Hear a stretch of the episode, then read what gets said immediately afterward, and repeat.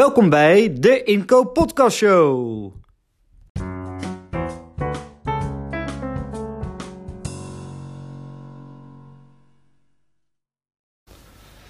Welkom inkopers van de toekomst bij deze nieuwe podcastserie. Vandaag met ons Michel Goossens. Welkom Michel.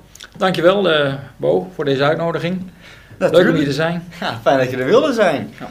Kan je misschien beginnen met wat vertellen over jezelf? Uh, Michel Goossen, uh, al een groot aantal jaren liefhebber van het, uh, van het aanbesteden en, en inschrijven op aanbestedingen. Ik, ik werk als zelfstandig consultant binnen Strategic Proposals, waarbij ik klanten help met de organisatieontwikkeling op het gebied van, van proposals en tenderdesken, maar ook live deals begeleid en inschrijvingen begeleid voor klanten. Oké. Een hoop uh, praktijkervaring. En waar werk je dan precies nu? Op dit moment uh, voor Maas International, vier dagen in de week. En nog uh, losse klussen voor iets in de kantoorartikelen, kantoorinrichting en nog catering. Oké, okay, vooral catering. Een, ja. een zware tak op dit moment. ja, dat is een uitdagende markt. ja, hopen mensen die, die thuis werken, die niet meer bij de cateraar binnenkomen. Dus een, een, markt die enorme beweging is en zichzelf ook voor een groot deel nu moet uitvinden. Nou, dan gaan we met jou vandaag uh, het hebben over beoordelingscriteria. Uh, het doel van deze podcast is dan ook om uh, ja, duidelijk te maken hoe je die zo helder en transparant mogelijk kan maken. Want zo'n beoordelingskader is in jouw opinie niet altijd duidelijk. en wij gaan kijken hoe je nou ervoor kan zorgen dat je een beter vermoeden krijgt over wat er gescoord kan worden. Hoe gaan we dit doen? We gaan eerst even kijken in een objectieve ronde naar wat is er nu eigenlijk aan de hand, waarin Michel ons gaat meenemen naar de huidige stand van zaken, wat daar misgaat. Vervolgens gaan we verder en dan gaat Michel daar zijn mening over geven. Hè? Wat zouden we anders moeten doen om het duidelijker te maken hoe we met die beoordelingscriteria om moeten gaan, zodat we daar allemaal van profiteren. En daar gaan we mee beginnen.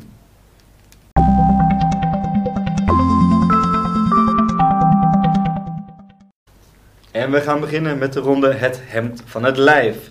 In deze ronde gaan we even wat beter kennis maken met Michel. Dit gaan we doen door hem een aantal dinsdagdilemma's voor te leggen. Hij gaat uh, deze dilemma's aanhoren en gaat dan zo snel mogelijk antwoord geven over welke van de twee hij het liefst zou willen. Ben je er klaar voor, Michel? Ik uh, ben er klaar voor. Top, dan gaan we één minuut en die gaat nu in. Je moet elke dag 10 velletjes kinderpostzegels verkopen. Of als je naar bed gaat, moet je dead metal luisteren tot je in slaap valt. Ik ga de kinderpostzegels verkopen. Elke dag om 12 uur staat de tijd 1 uur stil, alleen voor jou. Of je hebt een leger kabouters dat alles doet wat je zegt. Doe dat leger kabouters maar. Je moet een portret van de kerstman op je rug laten tatoeëren. Of je moet dit jaar je eigen kerstdiner bij elkaar jagen, villen en bereiden. Nou, de eerste heb ik al, dus het wordt de tweede. Als je water ziet, word je zeeziek. Of er staat altijd een spotlight op je gericht. Uh, doe een spotlight maar. Je hebt een roos tussen je tanden als je onderweg bent. Of je moet elke dag een serenade brengen aan de eerste persoon die je, op, die je ziet op straat. De serenade. Je woont in een glazen huis. Of je woont in een huis zonder ramen. Glazen huis. Je moet aan elk kind vertellen dat Sinterklaas niet bestaat. Of je hebt altijd in elke schoen een pepernoot. Uh, elk kind gaat horen dat Sinterklaas niet bestaat. Ja, tof. En op deze vrolijke noot uh, sluiten we deze ronde ja. af. Uh, nou, je bent een echt goed heiligman, liefhebber, hoor ik al. Ja, nee, Dan ook nog een kerstman op je rug getatoeëerd. Nou, die wil ik zo ja. ook nog wel een keertje bekijken. maar elk kind echt? Ja, nee, elk kind echt.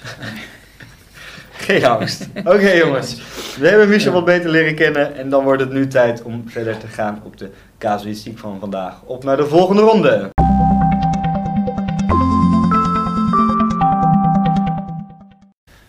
En we gaan verder met de volgende ronde. De ronde die heet De Spijker op zijn kop. In deze ronde gaan we meer grip krijgen op de zaak aan de hand van de wie, wat, waar methode. Het doel uh, van deze ronde is dan ook om jullie van contextuele informatie te voorzien over de ingebrachte casuïstiek. Uh, daarna willen we eigenlijk ook graag de complexiteit ervan proberen te doorgronden. En dat gaan we doen door in deze ronde objectief te kijken naar wat er aan de hand is. Michel, wat wil jij met de inkopers van de toekomst delen? Uh, ja, het, thema inderdaad die beoordelingssystematiek. Hè? Dus inderdaad, uh, als je kijkt vanuit onze kant, hè, wij krijgen een, een aanvraag binnen. En eigenlijk de eerste studie die je doet als, als inschrijver is natuurlijk van joh, wat men vraagt, kunnen wij dat? Hè? Dus kunnen wij hieraan voldoen? Anders hoef je niet verder te gaan. En dat zijn eigenlijk een beetje de, het kwalificatiemantra. kunnen, we, kunnen we wat ze vragen? En daarna is de vraag inderdaad ook, kunnen we hem winnen?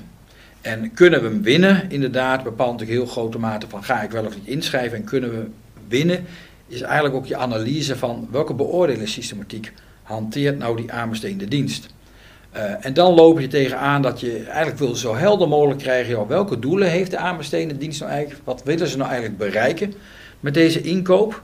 Dus heb jij je inkoopdoelstellingen, zijn die heel helder voor mij? Uh, is er beoordelingssystematiek? Uh, voldoet het ook eigenlijk aan die grondbeginselen van ons aanbestedingsrecht? Is het heel transparant, objectief en non-discriminator? Zijn de vragen die jij mij stelt, zijn die voor mij helder en duidelijk? En begrijp ik als, uh, als inschrijver welk antwoord ik moet geven om, om daar maximaal te scoren, een 10 te halen? En begrijp ik bijvoorbeeld als inschrijver, nou een bepaalde vraag die jij me stelt, nou daar ben ik niet de beste in de markt, maar ik verwacht nog wel dat te kunnen halen. Dus inderdaad, ehm, de vraagstelling inderdaad van, ja, wat zijn nou de juiste criteria bij de doelstelling van die aanbesteding? Los van wat je omschrijft aan eisen en wensen waar het aan moet voldoen. Uh, wat zijn nou de juiste criteria? En snap ik met die criteria welk doel jij daarmee uh, wil bereiken als inkoper? En uh, begrijp ik dan als leverancier, wat ga ik, wat ga ik, hoe ga ik mijn aanbesteding, ja, mijn, mijn inschrijving vormgeven om daar maximaal de prestatie die ik kan leveren bij jou voor het voetlicht te brengen, dat je die goed begrijpt en dat je die goed, uh, goed kunt beoordelen. Ja, dus als ik het goed begrijp, is er ook in, uh, ja, een soort in die vertaalslag van die beoordelingscriteria tussen de twee partijen is een soort van mismatch, waardoor het niet helemaal duidelijk is hoe jij daar optimaal gebruik van kan maken, uh, ter tevredenheid van beide partijen. Um, maar als ik dan even kijk naar de beleefwereld voor de luisteraars van vandaag. Uh, hoe vaak zie je hier zo'n mismatch? Um, het, ja, het, het, varieert enorm. Uh, we zeggen wel eens gewoon hele grote inkopende organisaties doen het beter dan kleinere. Maar soms kom je bij hele grote toch gewoon een, uh, wel een, wel een ja, rare systemen tegen dat je denkt van wacht even. je hebt een bepaalde doelstelling. Hè, je hebt heel mooi je doelstellingen geformuleerd. En nu kom ik eigenlijk gunningscriteria tegen die je uitvraagt waarvan ik denk van ja, maar daar, daar zit het onderscheidend vermogen niet in. Hoe zijn die nou gekoppeld aan die doelstelling die jij eigenlijk hebt? Uh, of waarom weeg je die dan zo zwaar of zo, uh, zo laag eigenlijk ten opzichte van, uh, van je prijs? Of waarom vraag je bijvoorbeeld de criteria uit die eigenlijk een beetje haaks op elkaar staan? Waarmee je dan gaat zorgen dat van de drie inschrijvers alle drie wel een criteria winnen. maar daardoor eigenlijk ja, heel dicht bij elkaar in de buurt gaan liggen in de totale beoordeling van kwaliteit, waardoor uiteindelijk je prijs je doorslaggevende verhaal wordt. En waarbij je ook eigenlijk zeker kunt weten als inkopen, ja, ik ga dus nooit op al die drie criteria die ik stel uh, de juiste krijgen. En ik ga nu zelf eigenlijk kiezen voor een suboptimalisatie. Wat heel erg zonde is, lijkt Ja, wat heel erg, erg zonde is. Hè. Je besteedt aan voor, voor, voor een duur, voor een langere tijd. Uh, je hebt daar doelstellingen. Je hebt soms ook flankerend beleid die je natuurlijk wil halen. Uh, je, geeft, je geeft een heleboel belastinggeld uit. Eigenlijk geld van de gemeenschap. Ja, hoe haal je dat nou maximaal het rendement op dat uh, belastinggeld wat je uitgeeft halen? En ben je daar bewust van? Ja, en dus op deze manier is het voor hun, maakt het zichzelf lastig, maar krijgen jullie ook een probleem? Uh, ja, je, je, het probleem wat je kunt krijgen natuurlijk is dat bijvoorbeeld inschrijvers afhaken. Ik denk van ja, het is mij te onduidelijk. En, en, en dit, ik denk dat ik een hele goede leverancier kan zijn voor deze uh, aanbestedende dienst. Maar als hij het zo vraagt, ja, uh, sorry, maar dan, dan, dan pas ik. Want dan kan ik net zo goed een hoedje, eh, loodje in de, hoge hoed gooien. En dan trekken we er wel één uit. versus inderdaad van, joh, maar als je het nu anders had gevraagd. Als je nou aan de voorkant iets langer had nagedacht uh, iets meer had geklankbord, wellicht met andere aanbestedingsdiensten of met de markt, ja, dan had je, had je een betere vraagstelling uh, kunnen formuleren. Dus um, ja, eigenlijk, dan hadden wij het beter antwoord op de beter geformuleerde vraag kunnen stellen. En ik denk dat dat, dat, dat heel erg belangrijk is. Dat je samenstreeft naar succes om inderdaad een, een goed aanbod te creëren uh, tegen de juiste prijs, met de juiste kwaliteit, die op die manier maximaal rendement op de doelstellingen levert voor het budget wat jij beschikbaar hebt. Oké, okay, nou even ter helderheid, ter samenvatting via de wie wat waar. Als we kijken naar de wie gaat het dus over hè, de inkopers en de uh, interne klant, over hun relatie onderling. Wat is nou het probleem? Dat we zien dat er doelen zijn die eigenlijk niet helemaal overeenkomen met de beoordelingscriteria. Ja. En dat resulteert zich in het probleem waar je dus tegenaan loopt, het waar aspect, dat je eigenlijk niet weet hoe jij je optimaal kan inschrijven. Wat weer als resultaat heeft dat zowel de inkoper niet de interne klant krijgt waar die blij van wordt. En dat jullie niet weten hoe je optimaal kan inschrijven. Ja, je gaat bij wijze van spreken ga ik een suboptimale inschrijving doen omdat ik weet, daarmee ga ik uh, jouw, jouw beoordelingskader winnen. Uh, maar ik weet eigenlijk aan de voorkant dat het suboptimaal is op jouw doelstelling. Maar ja, jij hebt er nou eenmaal aangewezen, dus ik ga het nou eenmaal zo doen. Maar uiteindelijk gaan we allebei niet heel blij worden hiervan. Daar gaan we niet blij van worden. Ik denk dat het tijd wordt om eens te kijken hoe we daar wat aan kunnen gaan doen. Wat we daar aan kunnen gaan doen. En dat gaan we doen in de volgende ronde.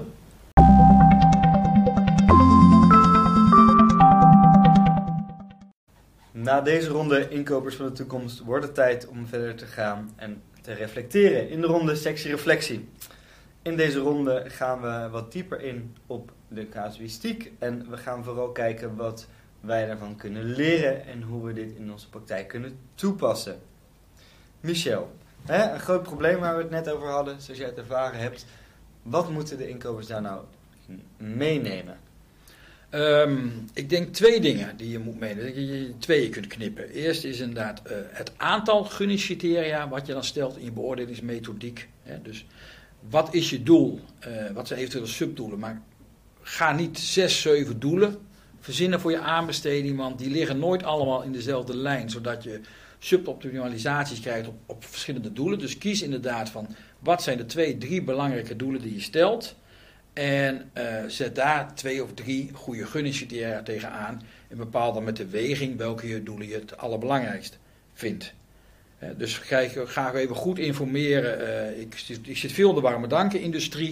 Ik heb heel lang voor Douwe Egbers gewerkt, voor andere partijen. En daar kom ik nogal eens tegen dat een van de gunningscriteria is een implementatieplan. Nou, ik ga je beloven, er is nog nooit een leverancier geweest in Nederland die niet in staat is geweest om te zorgen dat de zaken op een gegeven moment binnen staan en dat je koffieautomaat doet en dat de koffie uitkomt. Dus dat gaat gewoon wel goed komen. Ik denk dat je dan gewoon de handigheid moet doen dat je zegt na voorlopige gunning wil ik gewoon, uh, of na definitieve gunning, wil ik binnen een week een implementatieplan even zien. Dan bespreek je het implementatieplan nog met je leverancier. Dan kun je zelfs namelijk nog aanmerkingen en opmerkingen doen hoe jij het graag wil hebben, hoe het helemaal specifiek voor jou wordt. En dan maak je het definitief. stel je voor dat je als gunningscriterium hebt gebruikt en ik heb de gunning gekregen, dan ga ik tegen jou zeggen: nee, Bo, hier heb je op gerund. En dit is nu onderdeel van de deal geworden. Ik ga het komende zaterdag doen, want dat had ik opgeschreven. Je hebt het niet hoog gewaardeerd, maar met de rest heb ik wel mijn deal gewonnen. Dus jij zorgt maar dat je komende zaterdag er bent als ik koffiemachines kom brengen. Dus uh, denk even goed na, wat is echt je doelstelling en welke dingen kun je prima regelen in een plan van aanpak. Bijvoorbeeld na gunning die je laat opleveren, uh, waarmee je dan inderdaad krijgt wat je wil op die as. Dus eh, een praktijkvoorbeeld te geven. Uh, ik zit nu midden in een aanbesteding van, van een, twee ROC's. Die dan besluiten samen te gaan aanbesteden. Die hebben kennelijk bij elkaar gezeten. Ik denk dat dat is synergie. Dan hoeven we één aanbesteding doen met z'n tweeën. Maar die hebben eigenlijk wel een beetje uiteenlopende wensen. Dus die hebben nu bedacht, we hebben acht gunningscriteria. Dus die hebben het allemaal bij elkaar opgestapeld. waarbij de prijs dan nog steeds voor 40, 50 procent weegt. Dus voor die acht criteria moeten ze 60 of 50 punten gaan verdelen. Uh, die criteria liggen ook nog een beetje ver uit elkaar. Dus, dus uh, dan weet je eigenlijk één ding wat er gaat gebeuren in de praktijk. Er gaan vier, vijf inschrijvers komen. En de winnende inschrijver zal de acht criteria op drie waarschijnlijk de beste zijn. Op twee een beetje gelijk als de rest. En op drie zal die een van de mindere zijn. Maar de prijzen bijgeteld heb je op een gegeven moment winnaar. Maar heb je niet op alle acht criteria heb je geoptimaliseerd. Je hebt zelfs een suboptimalisatie. Je hebt zelfs misschien iemand die op het gebied van duurzaamheid en afval, wat jij belangrijk vindt, het allerlaatste score heeft. Maar die net toevallig wel op de beschrijvende implementatie of op de luxe koffiecorners, die wou wel een mooi verhaal heeft geschreven. Dus dan zie je gewoon door dat te veel criteria te kiezen, ga je verwatering krijgen. Uh, Rijkswaterstaat heeft dat ooit gehad in de warme drankindustrie twee, drie jaar geleden, waarbij men koos voor vijf criteria. Nou, dan schrijven de, de drie grote partijen in, Douwe, Egbert, Selecta en Maas. En uiteindelijk kwamen er uit uh, de scores op kwaliteit kwamen 41 punten, 42 punten en 40 punten. Zodat uiteindelijk de prijs doorslaggevend werd. Um, ja, dan, heb je, dan, dan, dan, dan denk ik dat je niet maximaal rendement uit je doelstelling hebt gehaald. Dus dat is denk ik een van de punten, is inderdaad het aantal criteria wat je stelt. Het tweede punt is dan inderdaad hoe je de criteria beoordeelt. Hoe helder is jouw beoordelingskader? Ik kom ze nog steeds tegen die zeggen, joh, je krijgt een 6 bij geen meerwaarde, je krijgt een 7 bij enigszins meerwaarde, je krijgt een 8 bij ruime meerwaarde en een 9 bij goede meerwaarde en een 10 bij zeer goede meerwaarde. Nou, die zijn natuurlijk zo arbitrair als maar wat. En dat is dan het enige wat er ook bij staat, hè, ruime of enigszins meerwaarde. Um, dus maak het concreet inderdaad. of inderdaad, je krijgt een 8 bij volledig voldoen aan onze wensen. En je krijgt een 10 bij ruimschoots voldoen aan onze wensen. Ja, wat is dan het verschil tussen ruimschoots en volledig?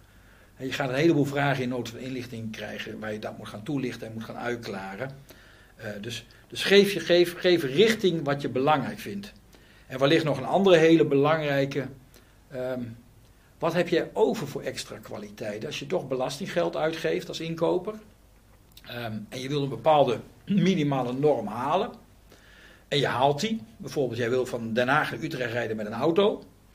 En je kunt dat prima met een uh, prachtige Volkswagen Passat kun je heen en weer rijden van, van Utrecht naar, uh, naar, naar de Den Haag. En iemand anders biedt een BMW aan. En jij gaat de kwaliteitsbeoordeling zo doen dat als je een BMW aanbiedt, dan heb je een bepaalde luxe. Ja, dat waardeer ik hoger dan, uh, dan, dan, Volkswagen. En ik ben bereid voor, uh, drie, uh, voor ja, ik geef daar 3000 euro meer waarde voor. Dus ik mag 3000 euro meer vragen voor een BMW dan voor een Volkswagen. Terwijl eigenlijk de vraag is, je wil gewoon heen, veilig heen en weer van Utrecht naar Den Haag. Moet je nog wel zoveel meer willen betalen voor meerwaarde?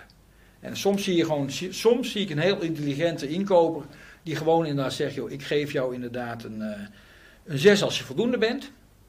En dan geef ik wel een 9 als je goed als je meerwaarde biedt. Maar voor een excellente meerwaarde, ja, dan geef ik nog maar een puntje meer. Want ik wil daar niet te veel meer voor gaan betalen. Want uiteindelijk geef ik belastinggeld uit en het hoeft ook geen gouden kranen te zijn. Ik ben ook tevreden met een kraan die gewoon heel goed werkt en heel constant van temperatuur is. Dus, dus dat nadenken over je doelstelling, wat wil je kopen en hoe ga je dat koppelen aan je beoordelingskader. Welke criteria stel je en hoe weeg je die dan mee met elkaar? Ja, want dat lijkt nu allemaal niet helemaal evenredig. Hè? Je gaf aan, er zijn er te veel uh, gunstcriteria, dat leidt tot verwatering. En je gaf ook aan, dan is het beoordelingskader is niet helemaal helder, dus het moet concreter. Uh, en dan heb je nog de vraag over wat heb je over voor kwaliteit, waar een bepaalde onevenredigheid in zit. Maar als ik dit ook zo hoor, dan denk ik ook, nou, dit, dit ligt veel heel erg aan het begin. Maar hoe komt dit? Hoe... Um, hoe komt dit? Uh, uh, soms lijkt het wel wat kopieergedrag. Soms zie ik een aanbesteding voorbij komen. Hey, die was vier jaar geleden ook zo opgesteld. Ze hebben de datum veranderd. Uh, ik denk dat het er heel erg aan ligt aan, aan, het werk. Hoeveel werk heb je aan de voorkant gedaan? Heb jij, als je als inkoper bent, hoeveel trajecten kun je nou per jaar doen? Hoeveel, hoeveel tijd neem je nou om dat goed te plannen? Uh, om goed die interne behoeften op, in kaart te hebben, om goed te weten wat is in die markt ontwikkeld. Uh, er zijn gewoon heel veel uh, platformen, denk voor inkopers op piano, maar ook inderdaad binnen het Rijk de categorie management, categorie managementplannen, gewoon informatie te halen van hoe staat die markt ervoor. Hè? Of kijk eens op tendernet welke andere partijen hebben dit dossier recent aanbesteed, hebben daar een gegunde opdracht ge gepubliceerd. En bellen ze even met ze inderdaad. Hoe ging jullie traject? Wat is je opgevallen? Uh, wij zitten hier aan te denken. Uh, is dat wel een goed criterium? Wat waar zagen jullie wel onderscheidingsvermogen? Waar zagen jullie dat niet? Wat zou je nu anders doen met de kennis van vandaag ten opzichte van wat je gedaan hebt? Dus, dus ga gewoon informatie halen. Als ik uh, inschrijvers begeleid op aanbestedingen, zeg ik altijd bij onze kick-off, onze strategie-sessie, zeg ik altijd, pak ik een uitspraak van Abraham Lincoln, die zegt, als ik een boom wil omhakken, je geeft me de zes uur om een boom om te hakken, dan neem ik vier uur om een bijl te slijpen. Dus ik, ik bereid me gewoon heel goed voor voordat ik begin te hakken. Dus begin niet gelijk. Uh, ga gewoon heel goed nadenken. Oké, wat willen we bereiken? Wat is de doelstelling van deze aanbesteding? Behalve dat er een nieuwe leverancier gezocht wordt. Maar welke doelen hebben we? Wat willen we behouden van wat er goed gaat? En wat willen we graag uh, verbeteren?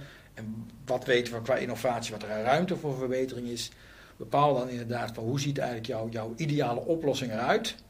Als je weet, we zitten nu hier van A en we willen naar B, hoe dat B eruit ziet, ja, dan moet je je weg gaan aanleggen die die aanbesteding heet. En daar horen gunningscriteria bij met de juiste weging en de juiste vraagstelling, zodat je ook in B uh, terechtkomt.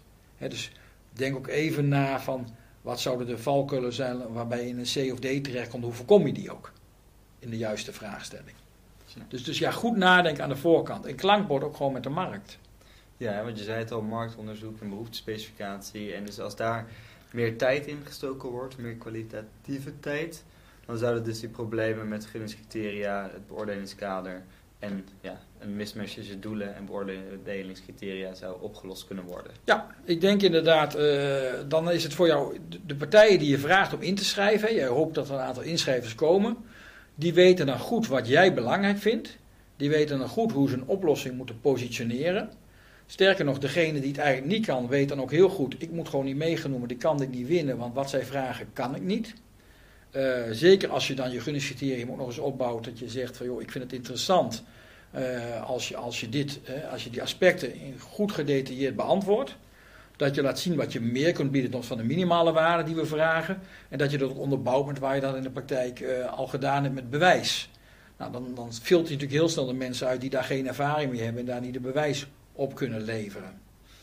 Uh, dus, maar dat ligt helemaal aan het dossier wat je aanbesteedt en, wat je zoekt in, mate van zekerheden. Of dat je zegt, joh, ik zoek toch meer innovatie. Nou, dan zoek je meer een partij die heel goed ideeën kan genereren en laat zien van joh, we hebben nog niet specifiek dit gedaan, maar we hebben eerder wel innovatief dit en dit gedaan met dit resultaat. Oké, nou dat lijkt me heel helder. Ik denk dat de inkopers uh, inderdaad uh, hieruit kunnen meenemen dat ze zich goed moeten voorbereiden, dat ze erg concreet moeten wezen en dat ze hun argumenten goed moeten toelichten. Als ik het zo kort samenvat. Ja. Nou, top. Ik denk dat ze dat zeker mee kunnen nemen. En dan gaan wij in ieder geval door naar de laatste ronde.